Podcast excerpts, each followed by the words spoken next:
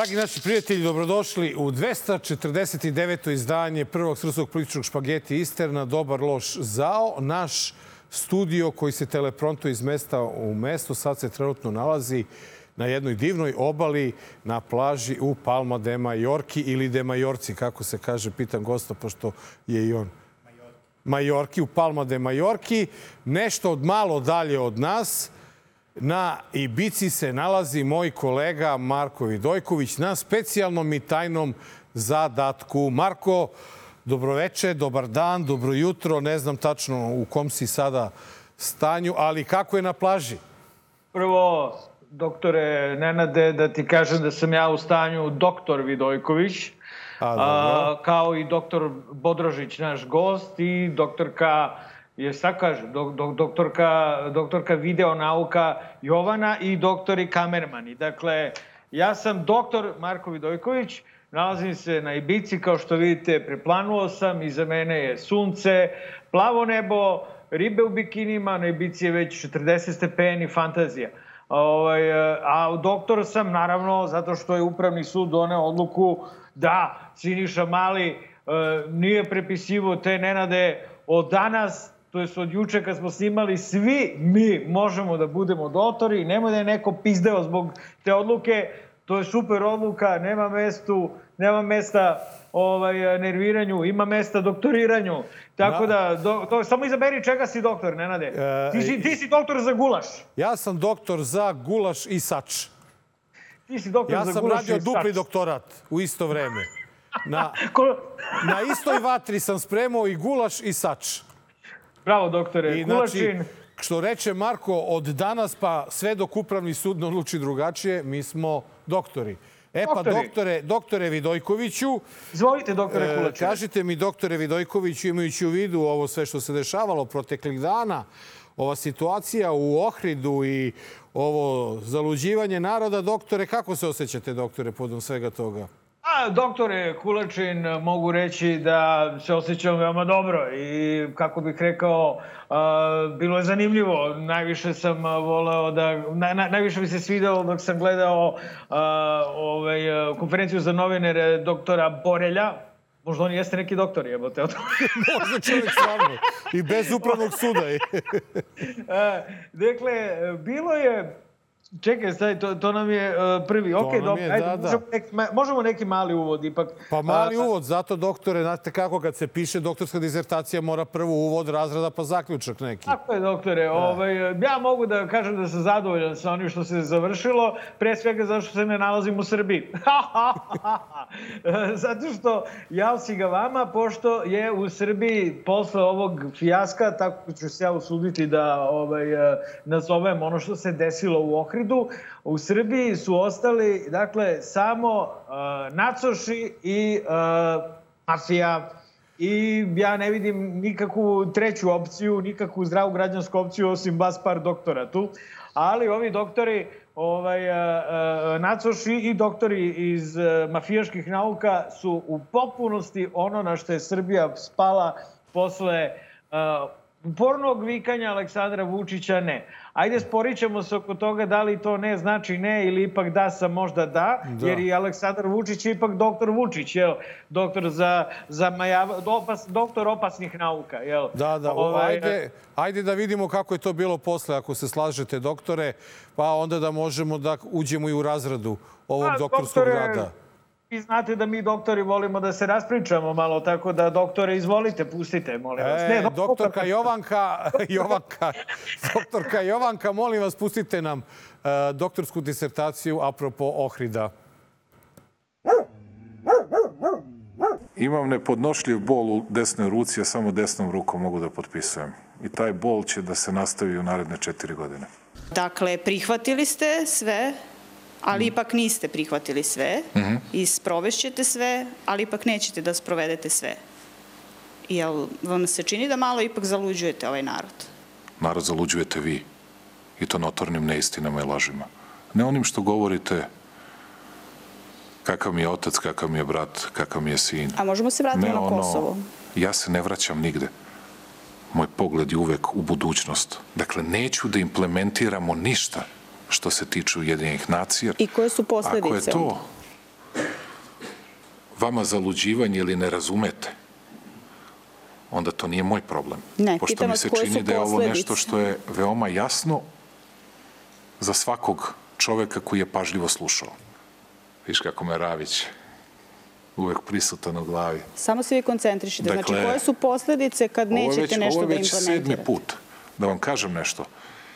Ja sam mnogo srećan što narod naš može da vidi da svi oni koji mrze imaju narodu da ponude samo nepristojnost. I Ja ne ništa znam o čemu pričate kad Što se, pošto da ne znate, evo ja ću da nastavim, pa narod zna. Dakle, koncentrišite se Dakle, i recite koje su posledice kada ne implementirate Posledice su tačku strašne. 4. Posledice su strašne. Uspeli ste svoju televiziju sa 1,1 prosečnog šera da spustite na 0,6. Tako da se koncentrišete malo bolje na to Mislim šta da je je ovo to što možete Srbije da mnogo uradite, a što se bitnije. tiče Kakve će ovoga, posledice biti a ako vi posledice bi nešto bile nećete da da implementirate? E, Ja bih da vas vratim malo na... na, na... Nemojte da me vraćate, nego postavite pitanje. Mene niko ni ne vraća, ni ne vodi me nigde, nego mi postavite pitanje. Ajde. Baš ste opasni.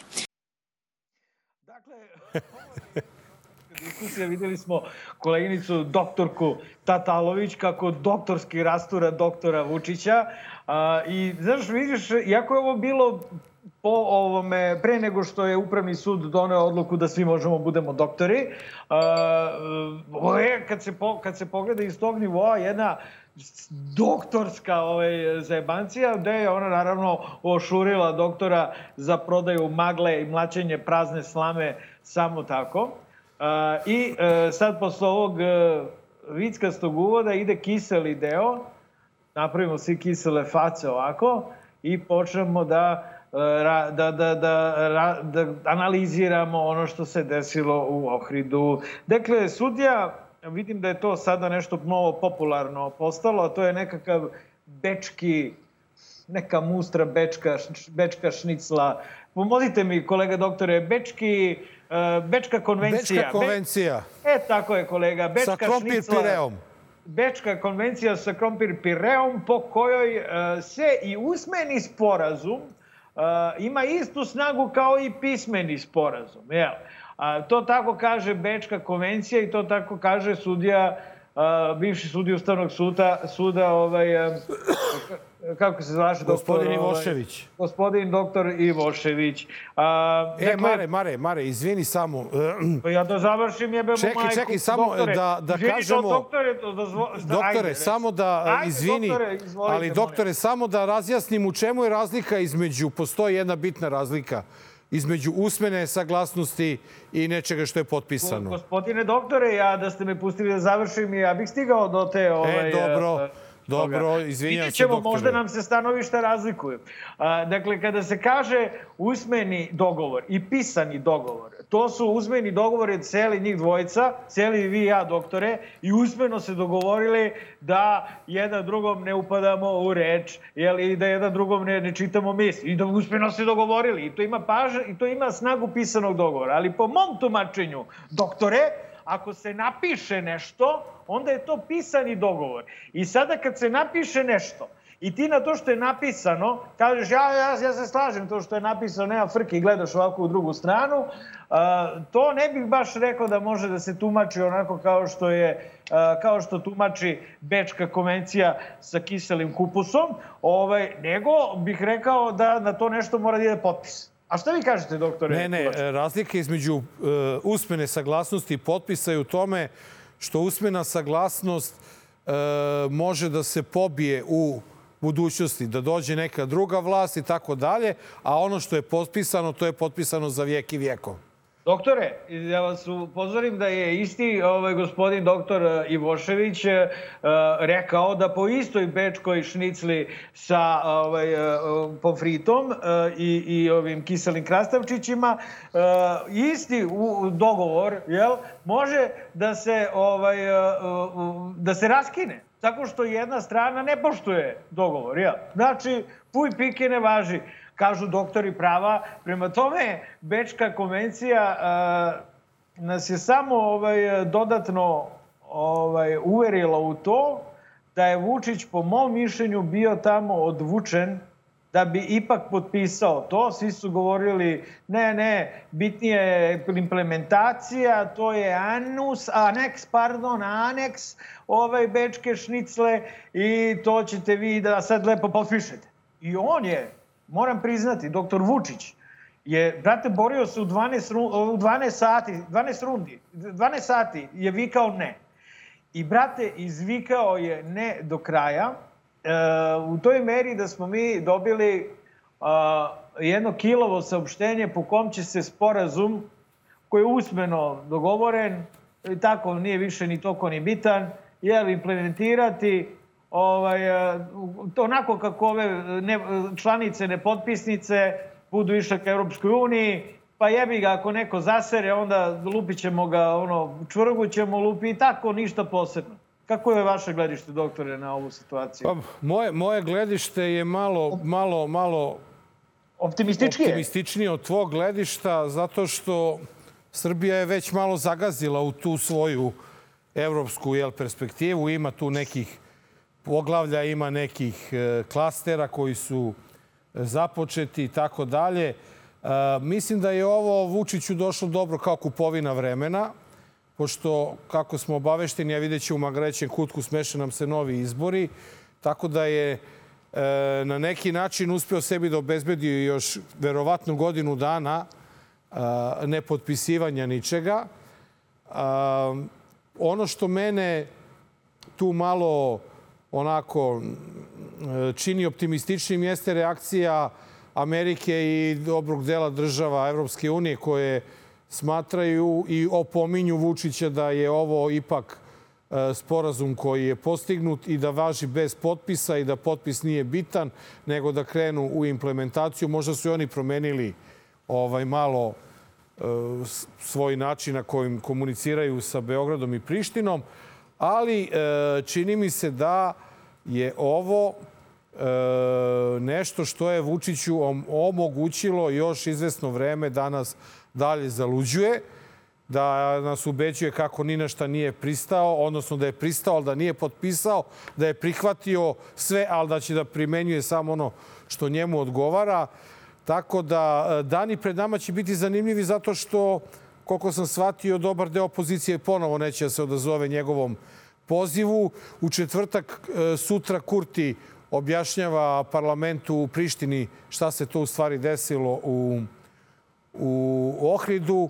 Tako da se meni čini, kolega doktore Vidojkoviću, da od ova posla za sada nema ništa, jer koliko smo svi shvatili, e, Priština je prva na potezu, a to je osnivanje zajednice srpskih opština, a do toga neće doći bez ozbiljnih pritiska.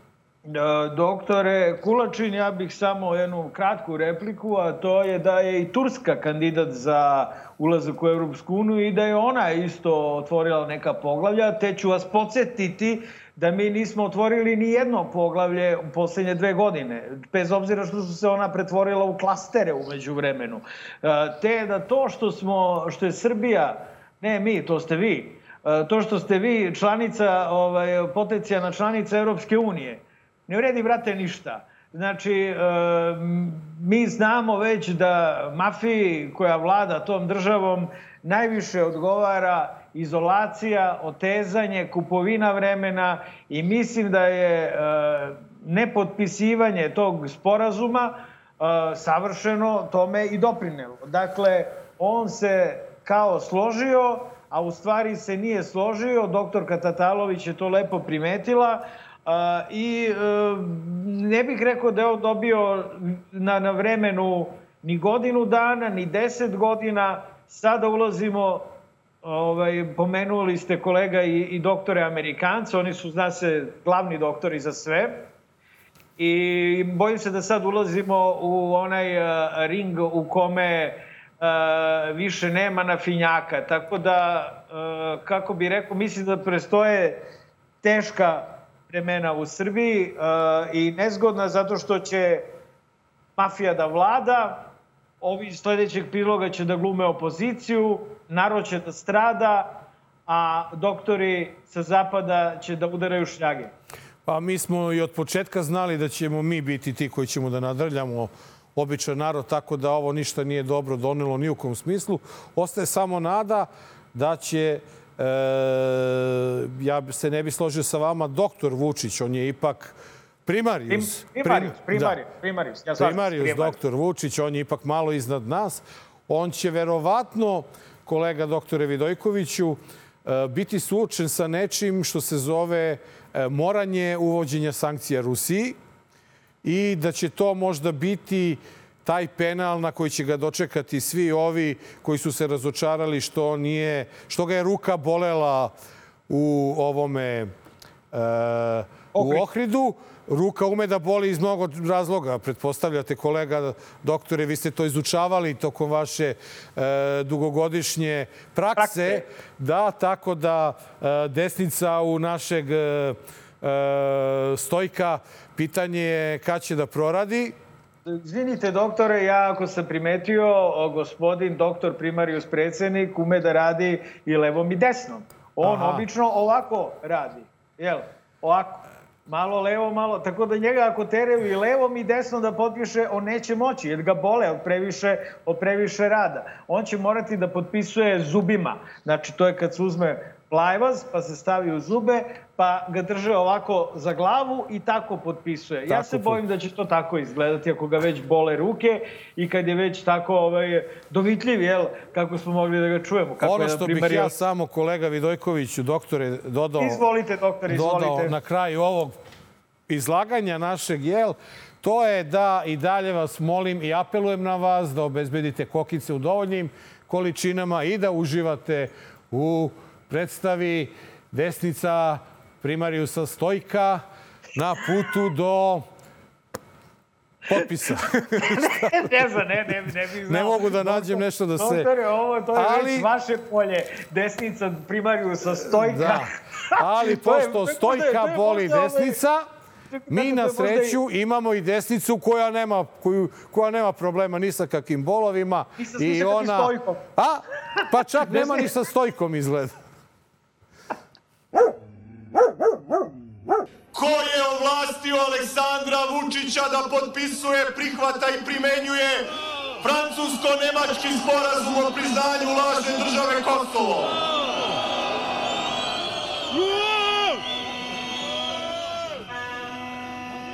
Niti ima ustavna ovlašćenja, niti ga je Narodna skupština ikada ovlastila, niti, mu je srpski narod ikada dao mogućnost da prihvata novi zapadni ultimatum kojim bi trebalo da se odreknemo naše svete zemlje. Jedini način da se predupredi, predupredi nešto što niko ne želi je Vučićeva ostavka.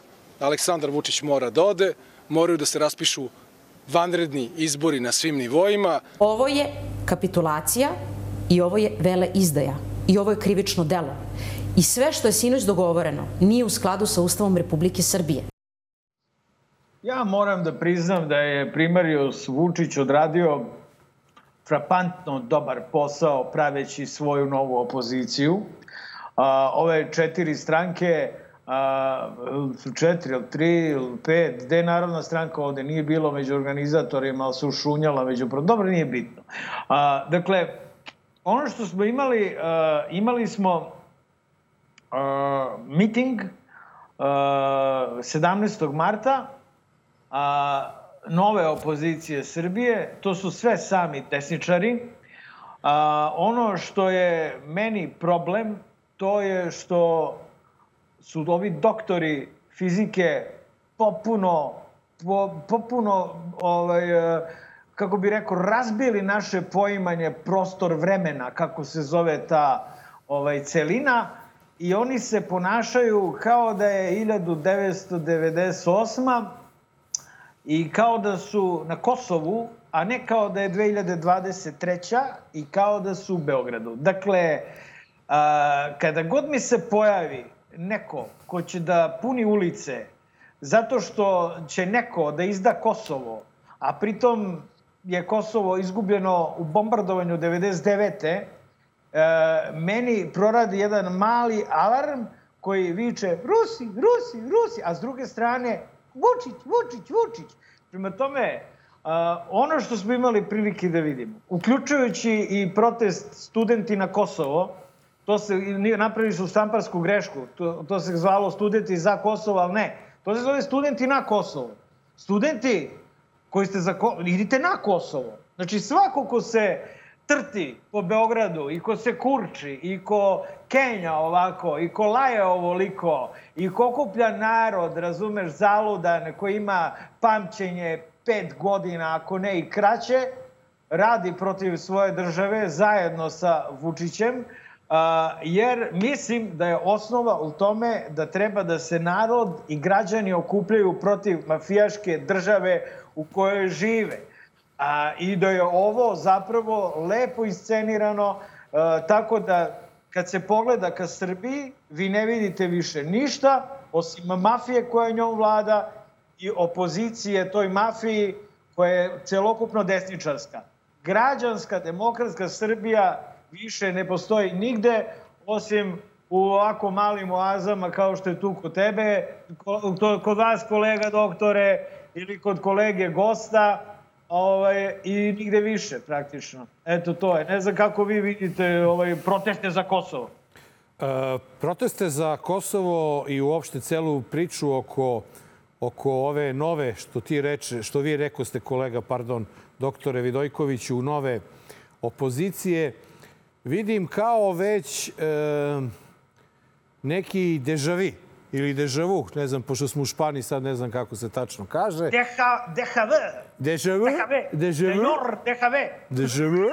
E, jer e, ovo što se sada dešava desničarima, to se dešavalo sa opozicijom koju je predvodio svojevremeno Dragan Đilas, ako se sećate doktor kolega. Đilas, doktor Đilas. Doktor Đilas. E, i doktor Đilas je imao plakate i protiv doktor Đilasa su se pravili filmovi i sve. E, sad je mečka zakucala na vrata ovih doktora iz srpske desnice. E, I ono što mene plaši, kada su doktori desničari u pitanju, kolega Vidojkoviću, to je činjenica da njih apsolutno boli uvo za sve drugo sem za Rusiju i za Kosovo. Vi imate u toj desnici e, doktora a, Miloša Jovanovića, koji je, za razliku od vas, mene i doktora Bodrožića, čovek koji e, stvarno radi na fakultetu. Mi još nismo došli dotle, moramo da prođemo određene stepene, nivoje i tako dalje. Ne, mi smo E? preskočili. Da, da. a, Ovaj, e, kolega doktor Jovanović radi na pravnom fakultetu i sve ove dane na pamet mu nije palo da se glasne povodom e, situacije u tužilaštvu Srbije. E, nisam očekivao od Milice Zavetnice, doktorke i od e, doktora Jovanovića, ali sam očekivao od našeg da kažemo, drugara s kojim smo delili i dobro i zlo svoje vremeno, Boška Obradovića doktora, odnosno Obradovića doktora Boška, kako bi se to gramatički precizno reklo. Očekivao sam da kaže koju reč povodom situacije sa novinarima u Srbiji i sve ovo što se dešava. Na ovo mesto je bio nekoliko puta i valjda smo svi mi zajedno zaslužili da kaže koju reč osude. Međutim, to danas kolega doktore Mar Vidojković, doktore Marko, to nije danas popularno. Braniti A- novinare kojima misi mač nad glavom i e, s tim u vezi ja se te desnice plašim jer njih e, boli uvo samo za ono što, odnosno, a da kažem to malo plastičnije, oni će da se počešu samo tamo gde zasvrbi, žrtvovaće se tamo gde njih boli, a za ovo što se dešava u državi, njih boli uvo Vi ste kolega, uh, doktore Kulačin, m, malo čas uporedili uh, doktore desničare sa doktorom uh, Đilasom na taj način što je mečka zakucala, kako vi kažete, i na njihovim vratima. A ja sam doktore desničare uh, upravo malo čas optužio da oni rade sa doktorom primariosom Vučićem. Znači, pazite, molim vas, kako se izražavate. Ne, Znate ne, da... ne. Ja sam samo pričao o kampanji. E, dobro, po- dobro. A, apsolutno, apsolutno na ovom nivou naše akademske rasprave podržavam vašu tezu da ovo što doktori iz desnice rade apsolutno ide u korist doktora primariusa uh, Aleks, a, Vučića, doktora Aleksandra, Molim baš vas, zbog molim toga vas. što će onda maše tamo. Evo, vidite, ako mene sklonite, Molim doći vas. će vam ovi doktori. Molim vas, molim vas, doktore Kulačin, samo još jednu Izvolite, stvar. doktore Vidojkoviću. A, dobro, da raščistili smo oko doktora Đilasa sve. A, ono što je e, ključna stvar kada je reč o doktorima iz desnice, to je da je proizvedena e, opozicija koja služi, e, naravno, naravno neće da služi za obračun sa vlastima, pošto je ovo sve izrežirano, ona uglavnom služi za obračun sa a, liberalnim, demokratskim i proevropskim snagama, jer je ona otvoreno antievropski raspoložena, proruski raspoložena, a njeni ekstremistički njeni ekstremističke frakcije doktora koji žvrljaju grafite, vandalizuju imovinu krokodila ili napadaju fizički biće i toga, ovaj, u stvari bilo je i toga novinara Foneta na svom mitingu, tako da vidimo da se stvara jedna atmosfera u kojoj će novinari slobodno mislećni, slobodumni ljudi, kako se to kaže u, Sr u Srbiji, biti pod, nadlež, e, e, pod nadležnošću desnice, odnosno nove opozicije, odnosno njihovih ekstremista, jer tu ne možemo napraviti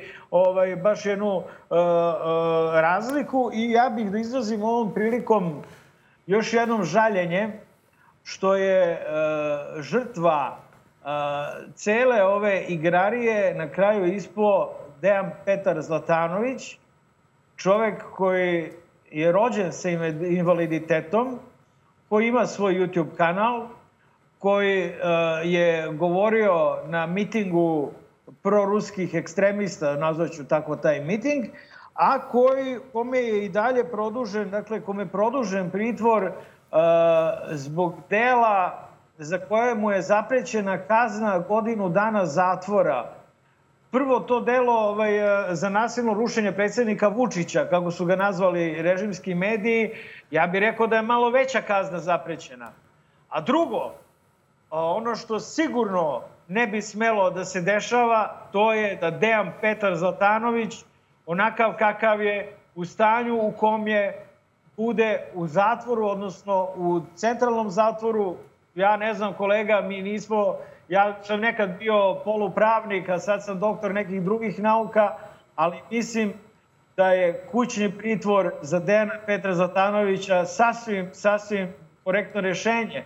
Nego je, bojim se, njegovim primjerom uh, poslata poruka i onima koji bi baš malo više da se uh, otrgnu od uticaja režima i okrenu Rusiji. Šta ti misliš? E, naravno, apsolutno podržavam da se što pre e, kolega doktor Zlatanović pusti iz pritvora iz prostog razloga što je Neka to... ode u kućni pritvor, postoji ili kućni da. pritvor jebote. E, Jer, e, da samo podsjetim da je e, e, naša krivična prijava protiv e, Šapića da će da nam iščupa srce ako nas bude sreo na ulici. Izvini, izvini. E, Da je, Protiv- pro- da je, izvini.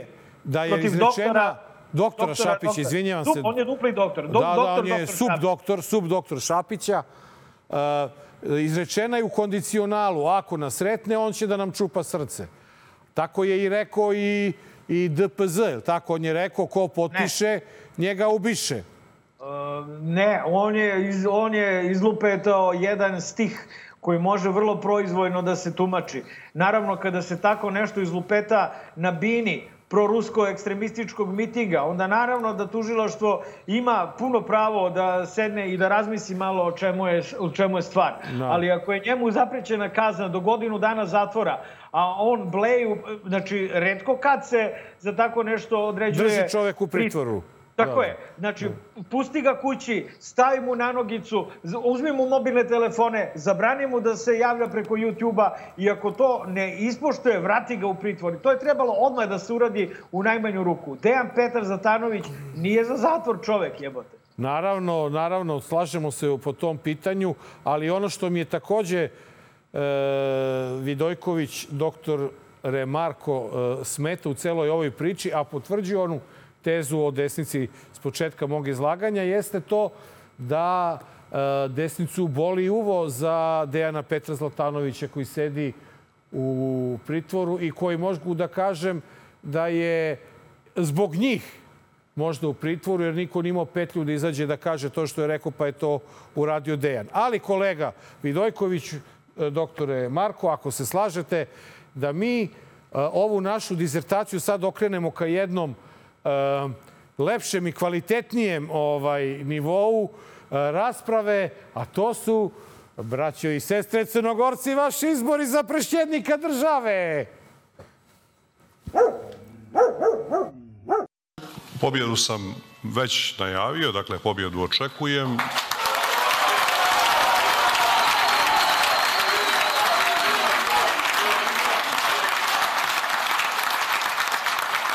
Nema, nema protiv kandidata kojega sam očekivao ili kojega sam priželjkivao, koji god da dođe, slabiji je od mene i to su pokazali rezultati ovih izbora. Tako da sam spreman da pobijedim kogoda je protiv njega.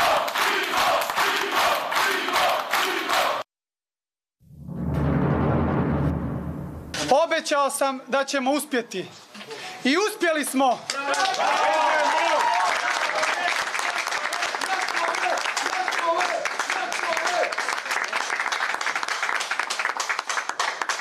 Ovo je, ovo je pobjeda svih onih koji su baklju slobode u prethodnih 30 godina nosili u Crnoj Gori. I hvala im na tome. Ovo je zajednička pobjeda. Oni koji su u prethodnih 30 godina bili diskriminisani, koji su, čija su djeca napustili Crnu Goru trbukom za kruhom, koji nijesu imali pravdu, koji su bili siromašni.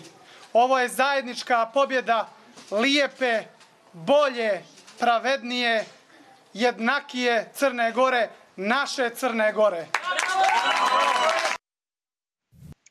A, prvo da izrazim svoje izuzetno zadovoljstvo rezultatom koje je postigao doktor Andrija Mandić, to je što, je, što ga izdučko na ovim izborima. To je bilo i moje najveće nadanje, dakle, da taj pogubni uticaj koji dolazi odatle kolega, gde ste vi, a, prosto nema više mesta u budućnosti Crne Gore. Mislim da je tu malu junačku zemlju dosta ovaj potresalo proteklih godina to da li će biti deo srpskog sveta ili koji će biti njen deo deo srpskog sveta neće ni jedan jebote. Ne treba ni treba budete srećni što ste u kandidat za EU svakako kvalitetniji od Srbije što ste u NATO što ste otkud znam imate dva kandidata koja na šta meni su ja nikog od ovih osim Andrija Mandića nije sam znao. Pa sam na kraju kada je Jakov Milatović praktično šurio, im rekao bih i Mila Đukanovića, jer on je dobio 28%, a Milo svega 36%, a verovatno se nadao, jer Milo nego ko, da će možda biti blizu 50%, a, video sam taj, brate, Jakov, je, on je stvarno, on je pravi doktor je. On je višestruki doktor. On je bio stipendista, ne znam i ja kojih sve prestižnih univerziteta, organizacija međunarodnih, sve zapadnih, znači nije Lomonosov.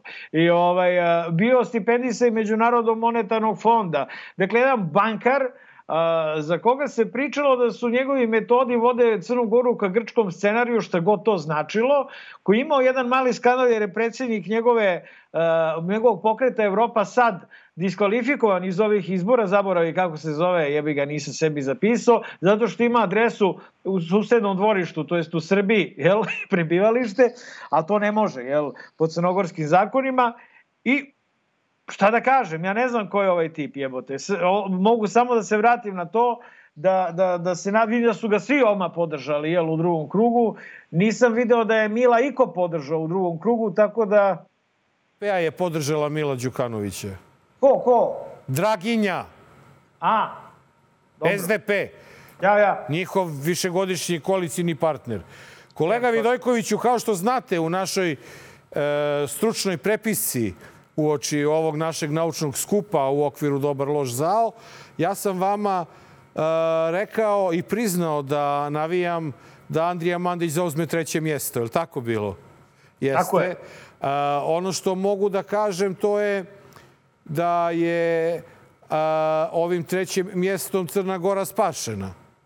Jel- Treće mjesto, evo. Jel će treće neko, mjesto. odnosno e, neko će pobjediti na ovim izborima, da kažemo, polunormalan. A zašto kažem polunormalan?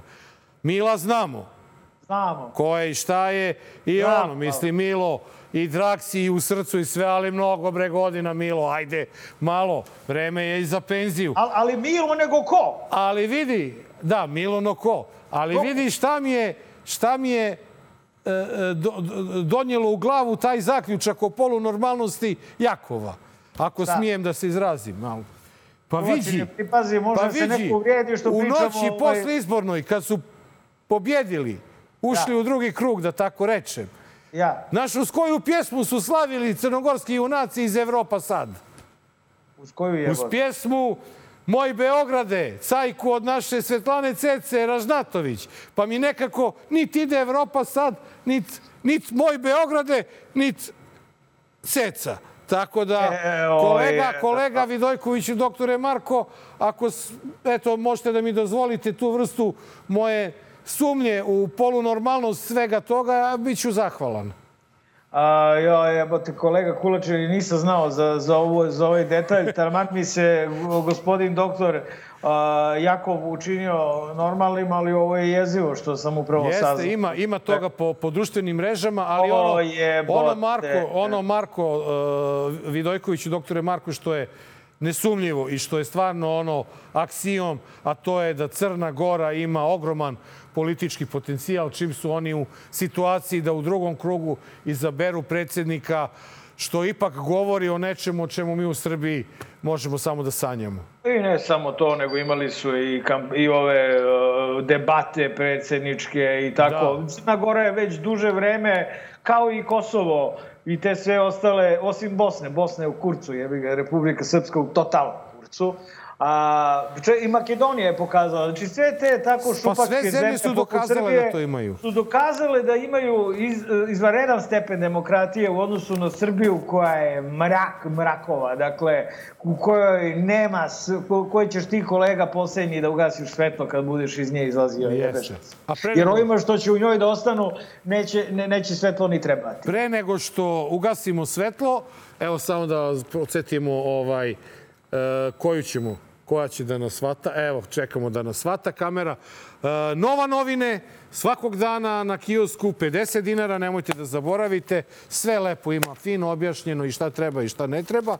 I naravno, novine koje se zovu danas, to su naj bolje dnevne novine u istoriji, e, novoj istoriji Srbije. Doduše, konkurencija, priznaćete, doktore Vidojković Marko, da i nije neka velika, ali dok je tako danas i nova, a mi idemo na kratak džingl i vraćamo se u studio.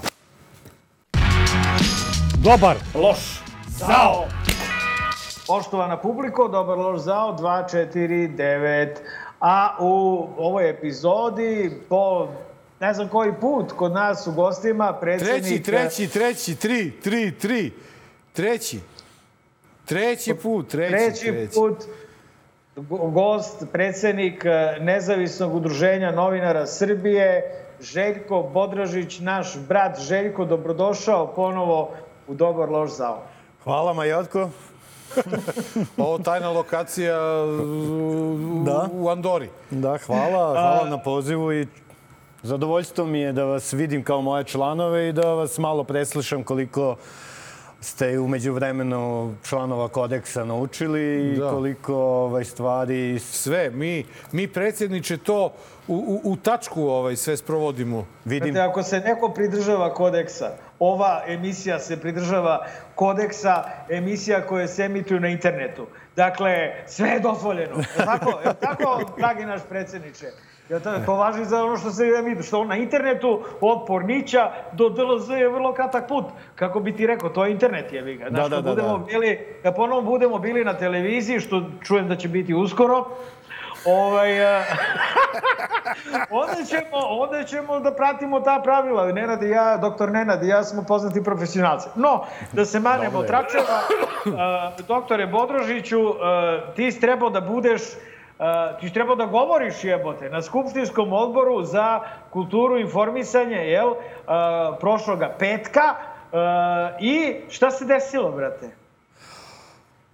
Pa i no, kolega Ćirić, podpredsjednik UNS-a i ja kao predstavnik e, NUNS-a smo bili pozvani da uh, izreknemo šta mi mislimo o stanja u našem novinarstvu, ali kako došli, tako i ošli. Ovaj, bili smo sve ukupno 3-4 minuta u sali dok nije doktor Bakarec uh, stavio na dnevni red predlog da se izbrišu tačke dnevnog reda ta sporna tačka, prva tačka, stanje u srpskom novinarstvu.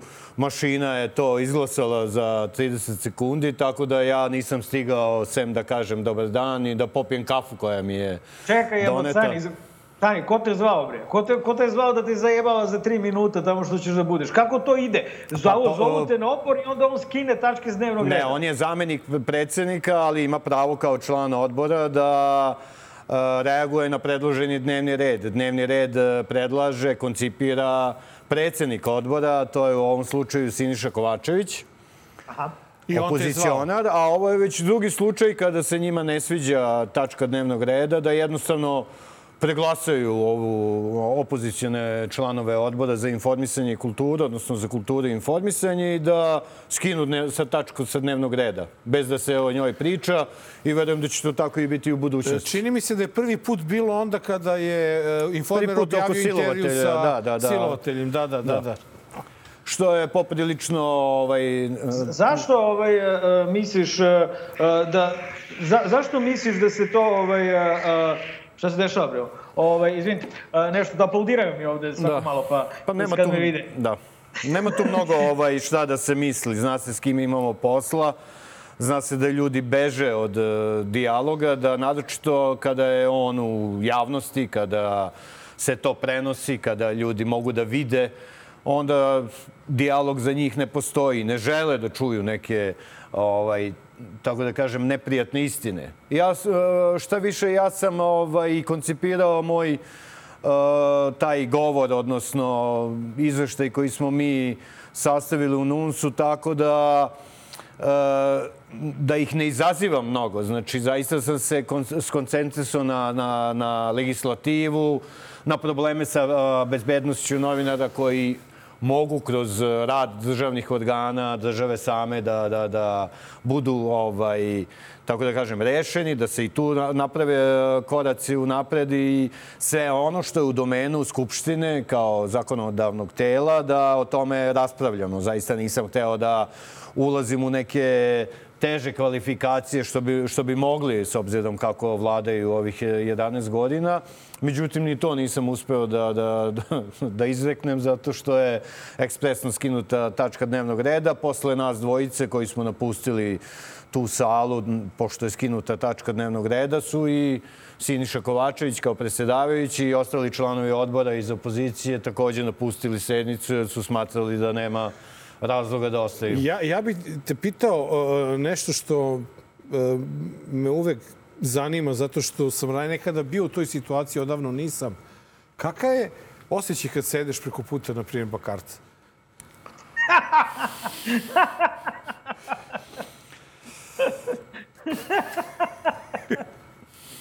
Ima E, sam. sad se poziva na kodeks, predsednik. Da, da, mo- mora čovek da malo stane, da razmisli, da iz, izabere reči. Na to ovaj, apelujem i kod vas, kada se takve ovaj, ovako nezgodna pitanja i provokativne postave. Uh, ja se Bakareca sećam, davnih godina sam ovaj, bio čak i u nekoj emisiji dok je on bio DSS-ovac. I tada je bio ovaj, poprilično ošta, da ne kažem bezobrazan, ali nikad u ovom ovaj, obimu kao što to radi od kad je na prednjak. Ali to je slučaj i sa mnogim drugim DSS-ovcima koji su nam išli na živce zbog mnogo, zbog- mnogo čega, počev od mog eh, sugrađanina, Milenka Jovanova do ovih drugih koji su preletali, ali sa dolaskom među radikale oni su postali još gori od njih. Jer imaju neka doktorska predznanja, očigledno jači su od ovih eh, radikala u doktorskim disertacijama glede ovaj, pronalaženja domaćih izdajnika i stranih plaćenika. Tako da ono to divljanje, ja sam, ja sam zaista ono istog trenutka kad sam video da počinje ta svađa, pobegao glavom bez obzira da ne bi upao tu između dve vatre ili ni Ćuta nije štedeo reči, ali opet je bio daleko, daleko normalniji i pristojniji od e, Bakareca, koji onako nije bilo reči. Ove žene su isto bile tamo frapirane, pitale su kako je, kakav je to razgovor, ali on je nastavio da maršira napolje ljude, iz, o, ljude svoje kolege, poslanike koje, koje su građani birali da ih predstavljaju i koji imaju pravo da kažu svoje mišljenje i ti poslovnici zaista nalažu da se raspravlja o mnogim temama koje ne samo o zakonskim predlozima, što je jedna od osnovnih uloga odbora, nego i o svim drugim aktualnim temama koji su u društvu iz oblasti koje odbor pokriva. Tako da odbor za informisanje ne samo na svojim sednicama treba da raspravlja o, o, o stvarima koje muče novinarsku profesiju i uopšte o problemima sa slobodom izražavanja, nego i da iniciraju ta javna slušanja koja, ovaj, koja više ne postoje u našem parlamentu, koji su dobar, dobar mehanizam za za, za unapređivanje, kažem, i dijaloga, a i unapređivanje zakonskih predloga i svega ostalog onoga što se, što je, ovaj, što se loše dešava u našem društvu. Međutim, kao da ne, ne znamo s kim imamo posla. Ljudi jednostavno ne žele kad ne moraju da razgovaraju sa oponentima. A kad moraju, oni učine sve da se ta rasprava pretvori u jednu, ovaj, jednu ovaj, nesnosni ovaj, razgovor koji, na, na kraju kojeg vi jednostavno ili možete da odustanete i da izađete ili da se pobijete sa njima. E, da se vratimo samo malo na trenutak u, u, u našu političku prošlost. E, ovako nije bilo za vreme SPS-a. Pa sad utisci su, ovaj, pošto ono što je bilo davno se lakše Bare zaboravlja. Kada, kada se radi, kad govorimo o Skupštini i odnosu uh, poslanika? Bilo je svašta. Zaborav, zaboravljaju se grozne stvari lakše nego ovaj, lepe nego stvari lepe, iz da. prošlosti, tako da i ovaj što ste rekli deja vu ili deja vu je mnogo ovaj, težak za težak. svakoga. Kada se stvari ponavljaju, oni se, one se čine mnogo gorim nego što su one kao bile u prvom izdanju i 90-ih je bilo stvarno grozne stvari, ali tada ste imali stvarno posla sa nekim pravim doktorima. Oportunim, na, u mnogim slučajeva ideološki zatucanim, da. zaljubljenim u novog Tita, što je isto razumljivo. Svi smo imali mi u porodicama našim ljude koji su odrasli u tom sistemu i koji su Miloševiću videli nekog novog Tita, Tita su voleli i uh, to je bio drugi, ovaj, drugi ambijent, druge okolnosti. Ovo sada kada se iste stvari ponavljaju u režiji izvedbi nekih ljudi koji uh, za koje ne možemo reći da su se na bilo koji način u svom životu, na bilo kom polju istakli. Osim što su ušli u politiku i ušli u jednu populističku stranku, nacionalističku, koja je uvek išla tako linijom manjeg otpora, da se ne zamera puku, nego da, da im titra sa svojim pričama o velikoj Srbiji, o ljubavi prema naciji, prema rodu i da se tako lakše dođe do glasova i takvi ljudi, kažem, sada nama vode državu i zaista je se teško priviknuti na to. U svakoj vlasti prehodno je bilo ljudi koji zaslužuju respekt zbog svog Uh, tako da kažem, rada u nauci, u nekim drugim oblastima koji su posle toga uh, zašli u politiku i, i u politici se ponašali u, u granicama koliko toliko normalnog i pokušavali da svoje ideje nekako na, nametnu ovaj, građanima. I imali neku ideologiju, što je po meni isto jako važno kada govorimo o političkim ovaj, stvarima, a to je da iza nečega stojite ideološki, da imate svoj jasan ovaj, pro, ovaj, program i ciljeve stranke, a ovo, ostalo, a ovo sve se sada pretvara u neke populističke pokrete koji, koji jednostavno funkcionišu na bazi ono, ustrojstva vojske neke, imaju lidera, imaju komadanta koji o svemu odlučuje, oni su tu da slušaju, da njega veličaju i da na osnovu njega dođu u te skupštine i da, eto, na kraju nama kroje i zakone, a i život uopšte. Najaktuelnija situacija kada su novinari u pitanju je presuda Višeg suda e, nekadašnjem predsjedniku opštine Grocka Simonoviću, Simoviću, da. E, koji je dobio kaznu Simonović. zatvora Simonoviću pet godina zbog izazivanja je, ugrožavanja bezbednosti i tako dalje. Kazna kao kazna po meni je ok, e, znači pet godina da nekoga strpate zbog toga što uradio u zatvor. Međutim, ono što mene duboko kao novinara pogađa, a rekao bi trebalo bi svakog normalnog čoveka, činjenica da si nekom zapalio kuću i puca po njemu nije okarakterisano kao pokušaj ubistva. Pod početka je to bio problem i e, slažem se sa tobom da su kazne primerene tom krivičnom delu koje, koje, koje, koje se našlo u optužnici. Zaista pet godina zatvora nije malo. Ali je problem što taj ceo slučaj nije izazvao ono, naj, najbolje rečeno, ne znam nije koliko ostavki ili pad vlade.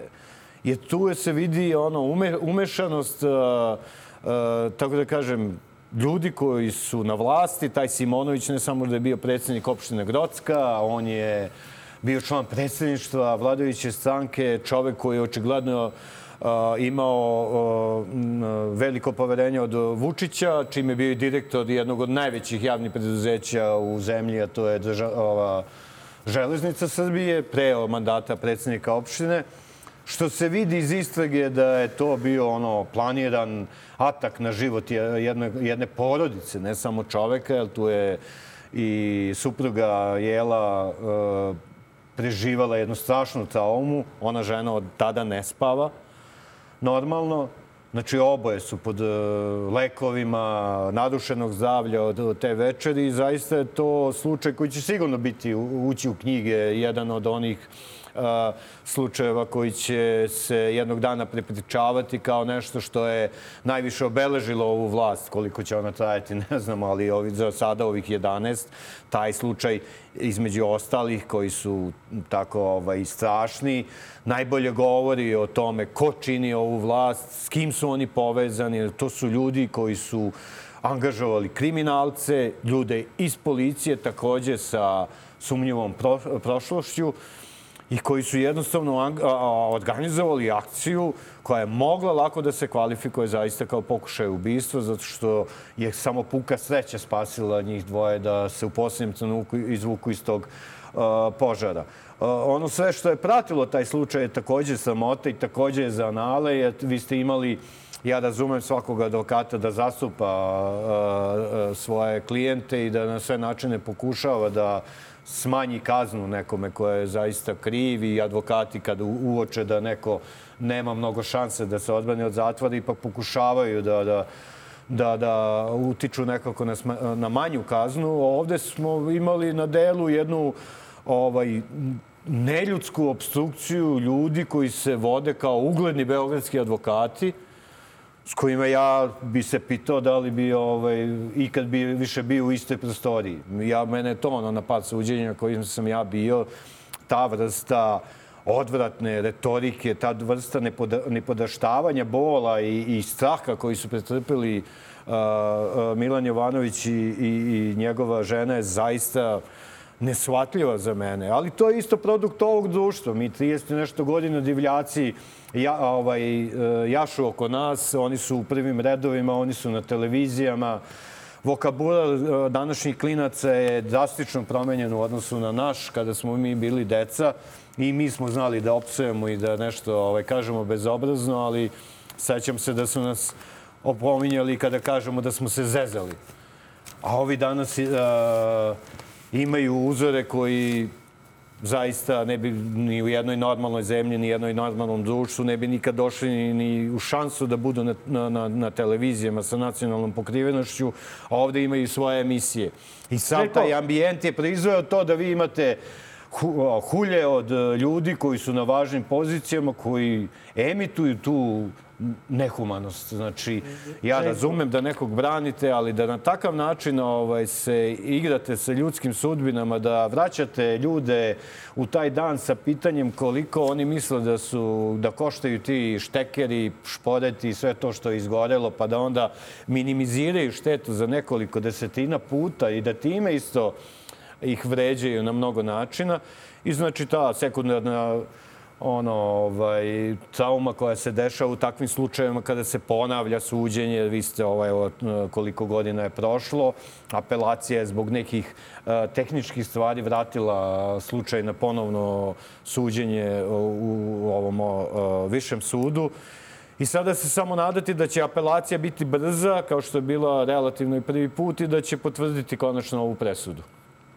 A, dakle, pominjao si advokate, a mi smo imali prilike prošle nedelje da e, vidimo saopštenje a, Ministarstva unutrašnjih poslova a, i tužilaštva za visokotehnološki kriminal povodom slučajno tvojih domaćina, jel? Da. Ove, I to je ono zbog čega smo te zvali u emisiju.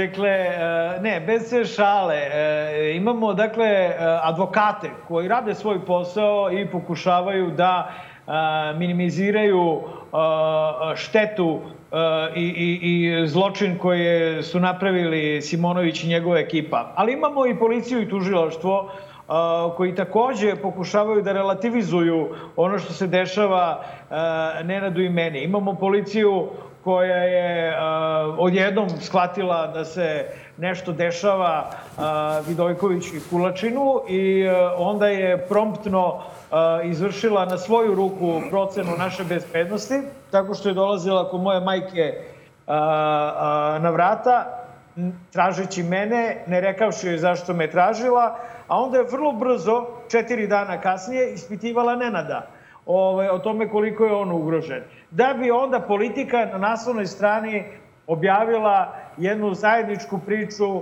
o tome kako tužilaštvo i policija gledaju na, ovaj, na naš slučaj. E, kako je e, radna grupa, za, stalna radna grupa za zaštitu novinara se sastala prvi put od 2021. koliko, je, koliko ja razumem, na uh, inicijativu Verana Matića baš povodom uh, našeg slučaja. Kakvi su tvoji utisci? Pa i na našu inicijativu ovaj, mi imamo predstavnike i mi imamo često ovaj, inicijative kao o, udruženje da se stvari stave pred stalnu radnu grupu, one na, a umeđu vremenu je osnovana i ova vladina radna vladina grupa iz, koga, iz koje smo svi izašli, koja je služila za novo zamajavanje. Jedna digresija pre svega, znači, Ja u današnjem društvu, posle ovih desetina godina ludosti na sve strane, kriminalizacije državnih organa, ja sam srećen kada vidim svakog normalnog policajca i tužioca. I zaista je iznenađujuće koliko još uvek postoji zavod kriva u, takvi, u tim državnim organima, uprkos svemu onome što se od 90. do danas radilo sa tim državnim organima. Znači, negativna selekcija, poslušnici, ljudi koji su opotuni prema vlasti i spremni su da lažiraju, da muljaju, da bi odbranili neke ljude iz vlasti ukoliko su ugroženi. U takvoj konstelaciji snaga svaki pomak je ono, ne znam nija, kosmički na, na, napredak. I u tom kontekstu moraš da gledaš i ove današnje tužioce i tog e, gospodina doktora Branka Stamenkovića koji jeste ono kvalitetan pravnik, ali je isto čovek koji je i tim intervjuom u politici sebe kandidovao za zamenika Novog, e, Novu Zagorku, je li tako? Da. I mi i njega i ostale koji žele da nas saslušaju, ubeđujemo da svako od nas drugačije doživljava pretnju, svako ima drugačiji stepen straha kod sebe od takvih stvari, svaka porodica drugačije doživljava sve to i da se ni sa jednom od tih, od tih ljudi ne treba, ništa ne treba minimizirati, sa ničim se ne treba ono šaliti i šegačiti, niti gledati ono kao uh, E, neozbiljno, to je kao e, lagana pretnja, teška pretnja, bitan je čovek koji je ugrožen i kako on doživljava pretnje. Neko od nas doživljava pretnje i pritiske već 30 godina. To već mnogo puta ističemo. Oguglali smo. Pa gledamo nešto sa zezancijom, kao gle ove budale. Pa i vas dvojica ste pre tri godine kada su počeli ono, kada su krenuli masovnije da vas e, da vam upućuju pretnje i ovaj da vas vređaju, ste isto kada na, na, na našu reakciju, pa dolazak policije kod vas, ste izjavljivali policajcima da se ne osjećate ugroženo, da ne bi ispalo da vi sad nešto... Da smo kukavice. Da ste kukavice. I ja razumem taj stav, pa, smo, pa sam se ja ubeđivo da je zaista, i ne samo ja i drugi, da svaki slučaj treba prijaviti, bez obzira koliko on izvao bezazlen ili koliko su neki ovaj, zaista benigni frikovi iza toga.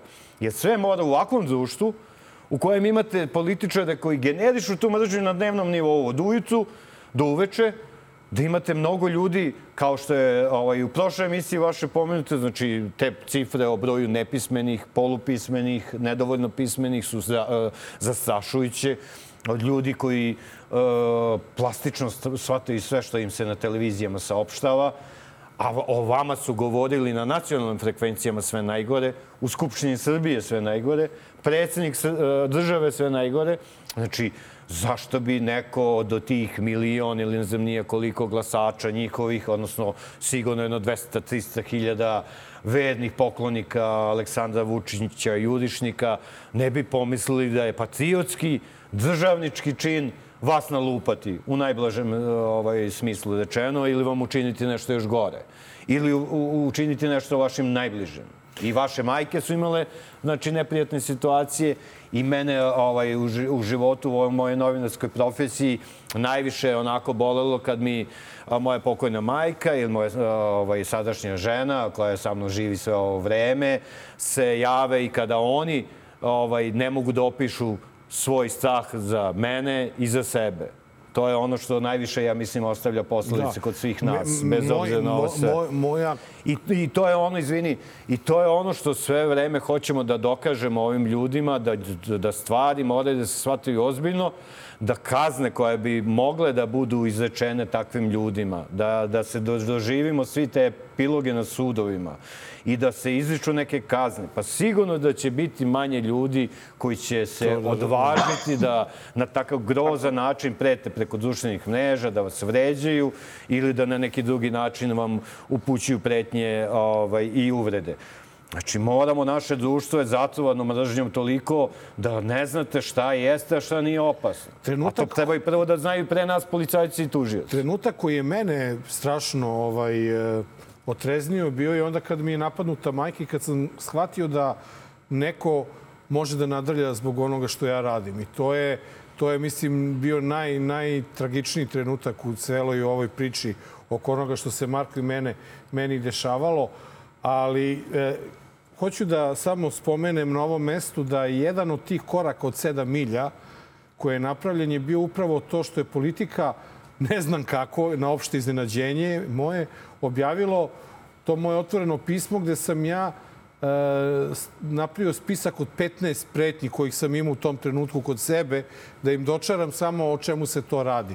I to je onako čak najavljeno i na naslovnoj stranici. To je odlična politika je... je trebala da dok je slučaj trajao da, ali, imala, da, je, da ima intervju sa poznatim piscem i sa poznatim Ali suština je da oni nikada nisu obavestili pisem. svoje čitao o čemu se, se radi? o čemu se radi, da jedan e, kolega njihov morao da bude sklonjen iz zemlje, da, da, da drugi ima te probleme, da trećeg su udarili na, na, na, na protestu ispred zgrade televizije Srbije. Znači, samo ako možemo pri kraju ovog razgovora, ovog dela razgovora da e, NUS radi evidenciju. E, da li ta evidencija iz godinu u godinu raste ili pada? Ona raste. Nažalost, e, moguće i zbog toga što smo našim radom, ne samo mi, nego i druga udruženja i asocijacije doprineli da ohrabrimo ljude da prijavljuju napade i pritiske.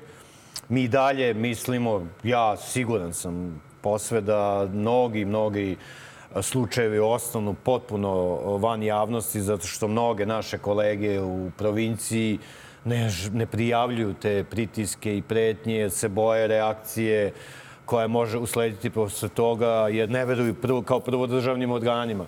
Ne veruju policiji, zašto u skoro svakom manjem mestu vi vidite tu spregu između tih o, poli, nekih ovaj, prljavih inspektora, policajaca, nekih a, a, Šibađija, što kaže uh, naš kolega novi Kristijan, ili tako, i, ne, i naprednjaka. Dobre, čak I onda nosi kada živiš ti, da, kada živiš u manjem mestu, ti vidiš ko je tu sa kim dobar i ne znaš šta je pametnije. Najnormalnije je da odeš u policiju i, I da prijaviš. prijaviš. Evo, Marko se... Neko, ne, ne, ne, još pametnije u stvari. Uh, I ne, bi- ne bi verovao koliko mi se ljudi javilo uh, od uh, kad sam relociran, uh, da, pita, ka, da pitaju kako oni da reše svoje probleme. To su ljudi koji na lokalnim portalima uh, pišu, koji se, znači praktično kolege novinari na nekom kapilarnom nivou i mislim da je uh, najbitnije reći u ovom trenutku i da je najefikasnije javiti se NUNS-u. Zato i postoji akcija Hvala. koja se zove na prvoj liniji i, uh, uh, i, i, ta akcija uh, služi da novinari koji se nalaze u problemu se taj problem prijave nezavisnom udruženju novinara Srbije. Tako? Da, imamo, imamo i advokate koji su i nama pomagali, koji ti odmah daju informaciju šta je pretnja, šta nije i koji preuzimaju na sebe to da prijave e, sve ono što oni procene da je pretnja Tačno, po život. tačno. da. I to je nešto što smo... I hvala vam na tome. osvojili. To je naš ovaj, zadatak i a, obaveza NUNS-a, to stoji u našem statutu i mi smo poslednjih godina taj deo našeg, naših aktivnosti uh, unapredili, razvili. Naša baza podataka o pritiscima i napadima je sada i na regionalnom nivou. Uspostavili smo jako dobre odnose. Taj ovaj, tako da kažem, a, mreža Safe Journalist je pokriva sve zemlje Zapadnog Balkana. Svi smo na istom zadatku. U svakoj od tih zemalja postoje a, ludaci koji prete novinare i postoje političari koji huškaju na novinare i to je ono što je za- zajednički a, problem svima nama i naša baza, ta podataka o napadima i pritisama je sada relevantni izvod što nas isto raduje Savetu Evrope, Evropskoj komisiji, Evropskoj federaciji novinara, Svetskoj federaciji novinara i dobro je da svi i vaši i drugi slučajevi se čuju i van ove zemlje i da ljudi znaju o čemu se ovde radi. Mislim da je eh, vlast, pre svega onoga koji se za sve pita, jako iznerviralo to što je odjeknulo da si ti relociran i da o tome pričaju i u Briselu, i u Berlinu, i u Parizu, i u Vašingtonu. I ja mislim da je zbog toga jako izgub, ono da su mu ispali osigurači, da je viko na nekog sigurno A svoj i zato- da je a- posle a da toga nije- krenula ta amortizacija A da te... ni u jednom trenutku taj slučaj nije pomenuo. Da, To je dokaz da ga je nešto... nešto ovaj, zabolelo. Željko, pre Magareće Kutka, samo bi pomenuo I još da je... da, da, izvini. Dušan Jatović... Aha, okej. Ono što ovaj, mene zabrinjava, to što, kao i ti, e, ima mnogo poziva od ljudi, naših kolega, a i ljudi koji su van profesije, koji su isto eto, neki aktivisti, borci za ljudska prava, ovaj, ljudi koji se od 90-ih bore za demokratiju, koje pamte ono vreme 90-ih, koji predlažu da mi, da mi se organizujemo i da sami sebe fizički branimo. I sada mnogo ljudi to govori da mi sada ovaj, imamo neke svoje ljude koji će na silu odgovarati silu, silom, što je e, za mene zabrinjavajuće, jer mi smo došli, ambijent je napravljen takav da smo na ivici, e, ono, da, da neko nekoga, da se šibamo i na ulici. I kada toliko ljudi to pominje kao jedino rešenje, i kada toliko ljudi odustaje od državnih organa e, da traži pomoć za svoju bezbednost, to jedino gde može da vodi je u šibanje, na ulicu. Da.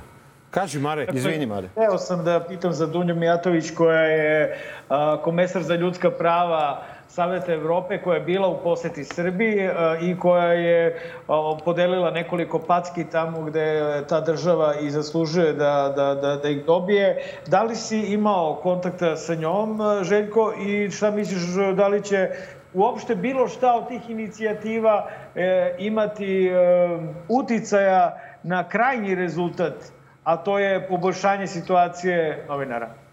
Nisam se ja video sa njom, ali mm, za- sastanak je ovaj, generalna sekretarka NUNS-a Tamara Filipović je bila na tom sastanku.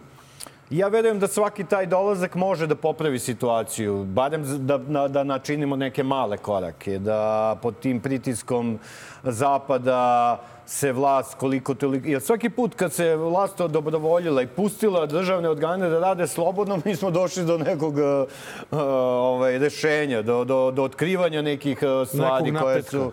Da, napretka. Tako da je to sve e, sitno s obzirom da je to sve pokriveno sa ovim velikim problemima koji se tiču ovaj naše države i, e, i Kosova, sada posebno od ruske agresije na Ukrajinu, tako da oni sada tu moraju da nađu neki balans, imaju e, posla sa, sa ljudima koji, e, tako da kažem, su nepouzdani partneri, koji su ceo život bili šešeljive radikali, pa su sad nešto evropejci, znači uče se fino, pristojnom ponašanju i vladanju u javnosti, a, isto, a istovremeno ovaj, krše, gaze sve, sve oko, oko sebe, Sebe a moraš da ih trpiš zbog toga da ne bi napravili još veću štetu i uveli Srbiju u neki novi uh, sukob na Balkanu koji nikom ne treba. E, sve to nama, nažalost, jasno.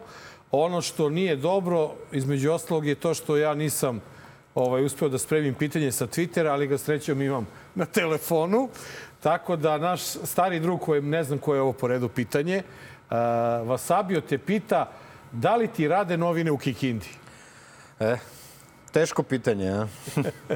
Ali pa kao budi i kratak, mnogi, moramo da kao idemo mnogi u- drugi lokalni mediji, moje, uh, novine koje sam ja osnovao i uređivao su privremeno ugašene. Mi smo jednostavno došli u bezizlaznu situaciju i, i uprkos pomoći Danasa, jer smo poslednje tri godine izrali- izlazili zajedno sa Danasom za ovaj naš Petkom. severnobanatski region ovaj, i to je nekako išlo. Međutim, Mi smo jednostavno s ovih prehodnih 6, 7, 8 godina, prve dve godine, tri su se ponašali koliko toliko ovaj, normalno naprednjaci u Kikindi. Znači, mi smo eliminisani sa svih konkursa za sufinansiranje medija. Nama su ovaj, onemogućene sve reklame i oglasi. Nemamo više znači, drugih izvora prihoda osim toga što prodate na trafici, od toga ne može da se živi. I onda smo napravili letos jednu pauzu sa, sa vedom da ćemo se kroz 3-4 meseca vratiti, kao kada jesen dođe, pa će onda i potražnja za novinama veća nego u letnjim mesecima. I sa ono namerom da konačno napravimo i neki sajt kikinski koji će ovaj, biti dobar i kvalitetan.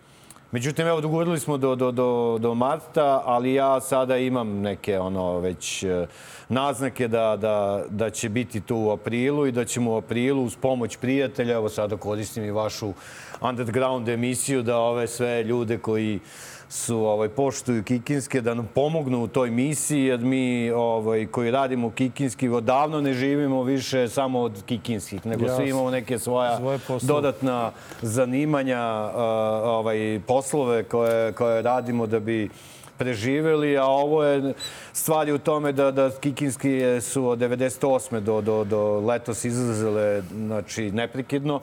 Ova pauza, ja mislim da će biti jedina, da ćemo sledećeg meseca nastaviti, a verujem u pomoć e, mnogih ljudi koji su i do sada pomagali Kikinskim da opstaju i tako ovaj, minimalnoj varijanti i zaista ima mnogo poziva od ljudi iz Kikinde i okoline zato što je, je tamo i kao i mnogim drugim mestima u Srbiji potpuni mrak. Ne postoji ni jedan disonantni ton u javnosti. koji- E pa eto, dragi prijatelji, ovaj, očekujte u aprilu Kikinske i dajte svoj doprinos da novine zažive, a mi idemo na Magareći kutak.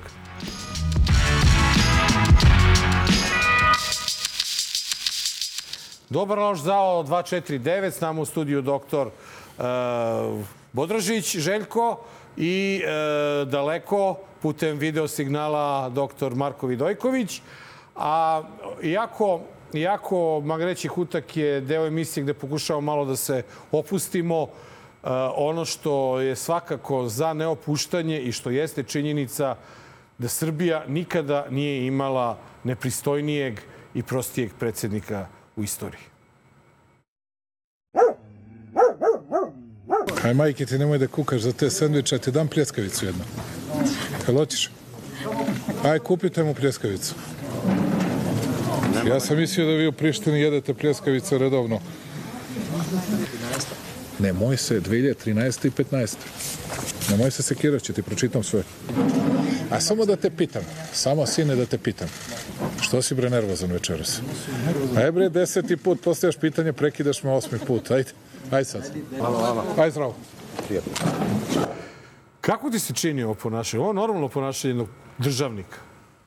Naravno da nije i naravno da sve ovo, ovaj, kako kažem, samoti kao prvo nas kao državu, da, da se predsednik na ovakav način ophodi sa novinarima. Kakve god, kakva god pitanja da, da mu postavljaju, on je tu da odgovara kao javni funkcioner i da sve iscrpi bez zajedljivosti, cinizma, uvreda, tih tog nipodaštavanja kojima je sklon.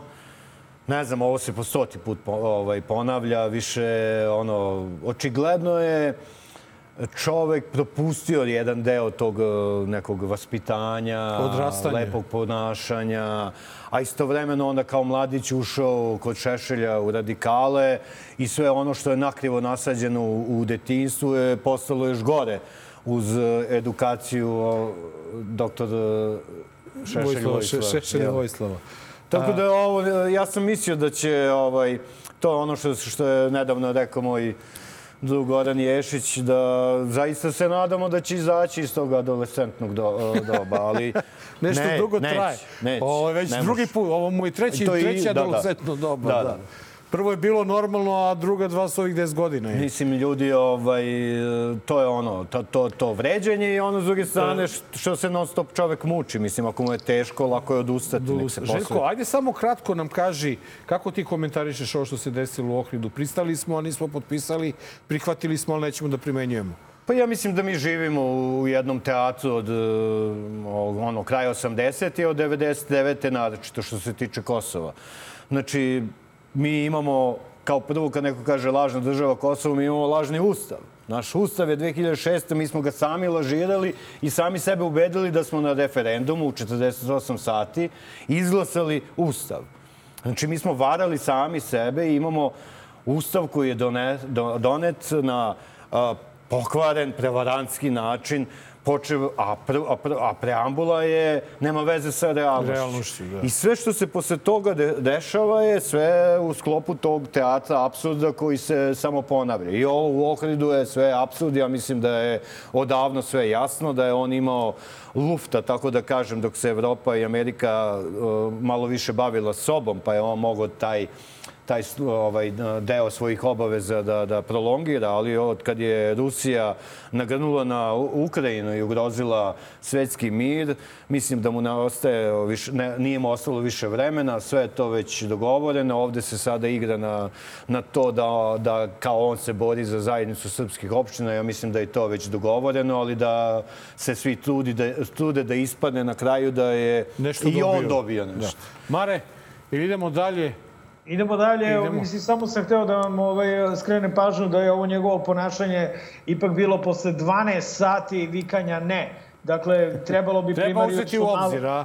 Treba uzeti u obzir. E, dakle, ipak ne samo to treba uzeti, treba uzeti u obzir i to što se on bori za nas, što je on nas spasio, mnogo toga. I ako ne verujete meni, ovo kada vam kažem, a sad se zavitlavam, onda verujte Draganu Jovočićeviću. Ovom politikom izbegli smo rat, izbegli smo ko zna koliko žrtava, ko zna li koliko smo života sačuvali. I treba da kažemo jasno i glasno, hvala predsjedniče Vučiću na ovome što si uradio i na ovome što radiš. I mogu sad ovi hejteri da ovo snime i da puštaju po njihovim pljuvačkim emisijama i da kažu evo Vučićević se šlihta. Ne, ne šlihta se, govorim istinu. I sad glumataju da hoće izbore. I znate šta? Evo, da kažem nešto, pa, pa opet neki će se naljutiti, ali ekskluzivno kod vas u emisiji. Dakle, ekskluzivno saznajem ili pouzdano saznajem, da se precizno izrazim, ispunit će i predsjednik Vučić želju. I bit će izbora pre kraja ove godine. Evo, Vučićević se šlihta. I evo, naravno da smo objavili u našoj emisiji ovako nešto. Sam je tražio. M hvala Vučiću, M bit će izbora. Pa i on je, kao i sam predsjednik, on je naš produkt. Mi zaista nemamo pravo da se odreknemo ovaj, dela naše zasluge za, za takvog kakvog imamo Vučića, za ovakvog Vučićevića i za sve te likove koji su pred nama. Znači, i ja osjećam odgovornost, a mislim da je odgovornost skoro svih vlasti od 2000-te, ne računamo onu prvu, ovaj, velika kada se ovakvi likovi pojave na, na, na televiziji, jer ja znam mnogo toga iz prve ruke kako se taj čovek ponašao dok je a, na vlasti bio Boris Tadić ili Vojislav Koštunica, kakve je sve privilegije. Zašto čutimo o tome? Pa ne, ne, ne čutim. Go- Govorim da je čovek prevarant već koliko du- dugo i da je varao u ono vreme, a da je sa ovim naprednjacima, do, da, doktorirao, dobio na zamahu, jer to je takav ovaj svet. Znači, ovi su dobili neki ono već e, sistem koji je na neki način o, e, u, u, u, ustanovljen, a ovi su to unapredili do neslučenih razmera. I mislim, ja se zaista stidim svega ovoga. Mislim da svi mi snosimo odgovornost, što i oni su slika i prilika naše, naše nažalost, Očekuješ Srbije. izbore do kraja godine?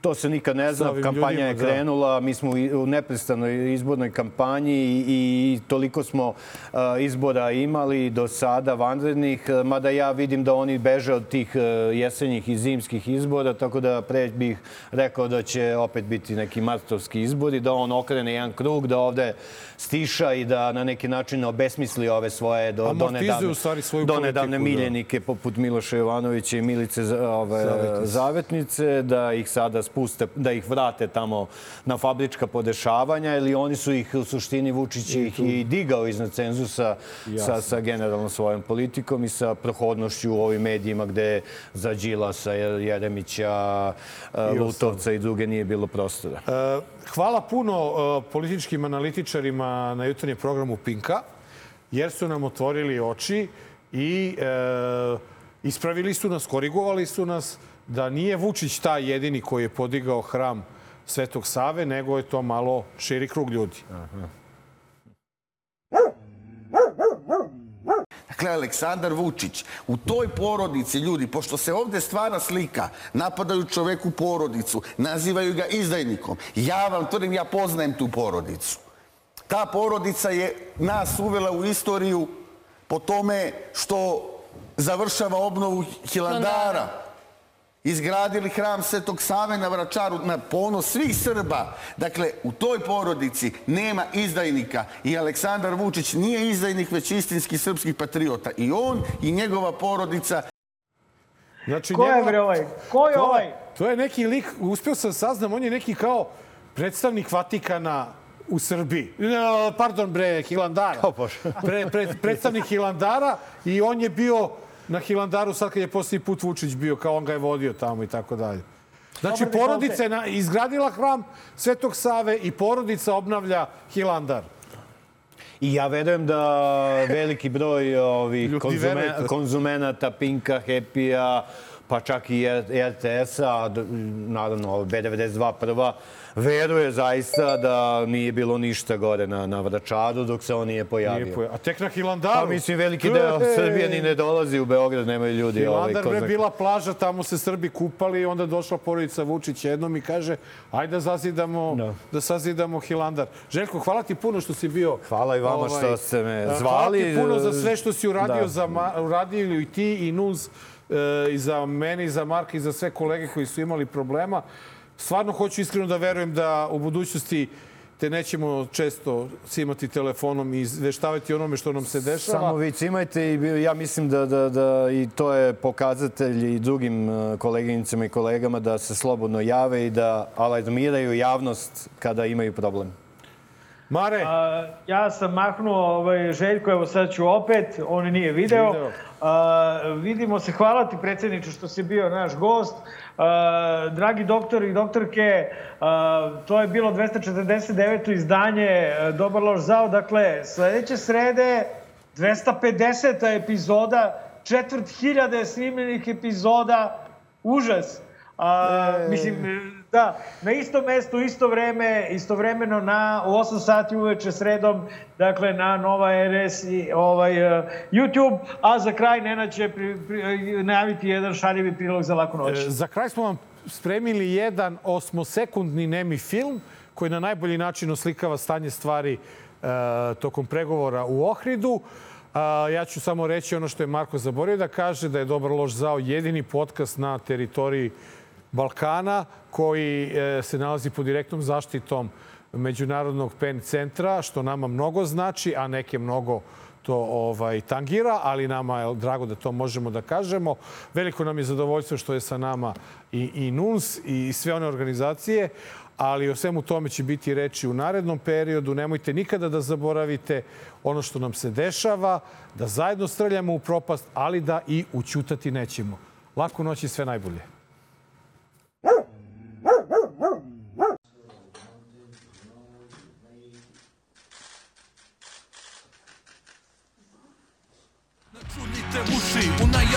Pobeda Kada uzme majk, znanje da propovedam Napušavam odreda, svak fake Goveda što veličaju lovu. Koja je prokleta, klinci što se lože na Prijave bolida, koji u isto vreme Ne moš hoda i da priča sistem vrednosti ništa. Kao i u vigla, pa se boduju Pucavaju za poštovanje strita. Muda su do neba, jer tu je ekipa. Oči se dokazuju, ko je veći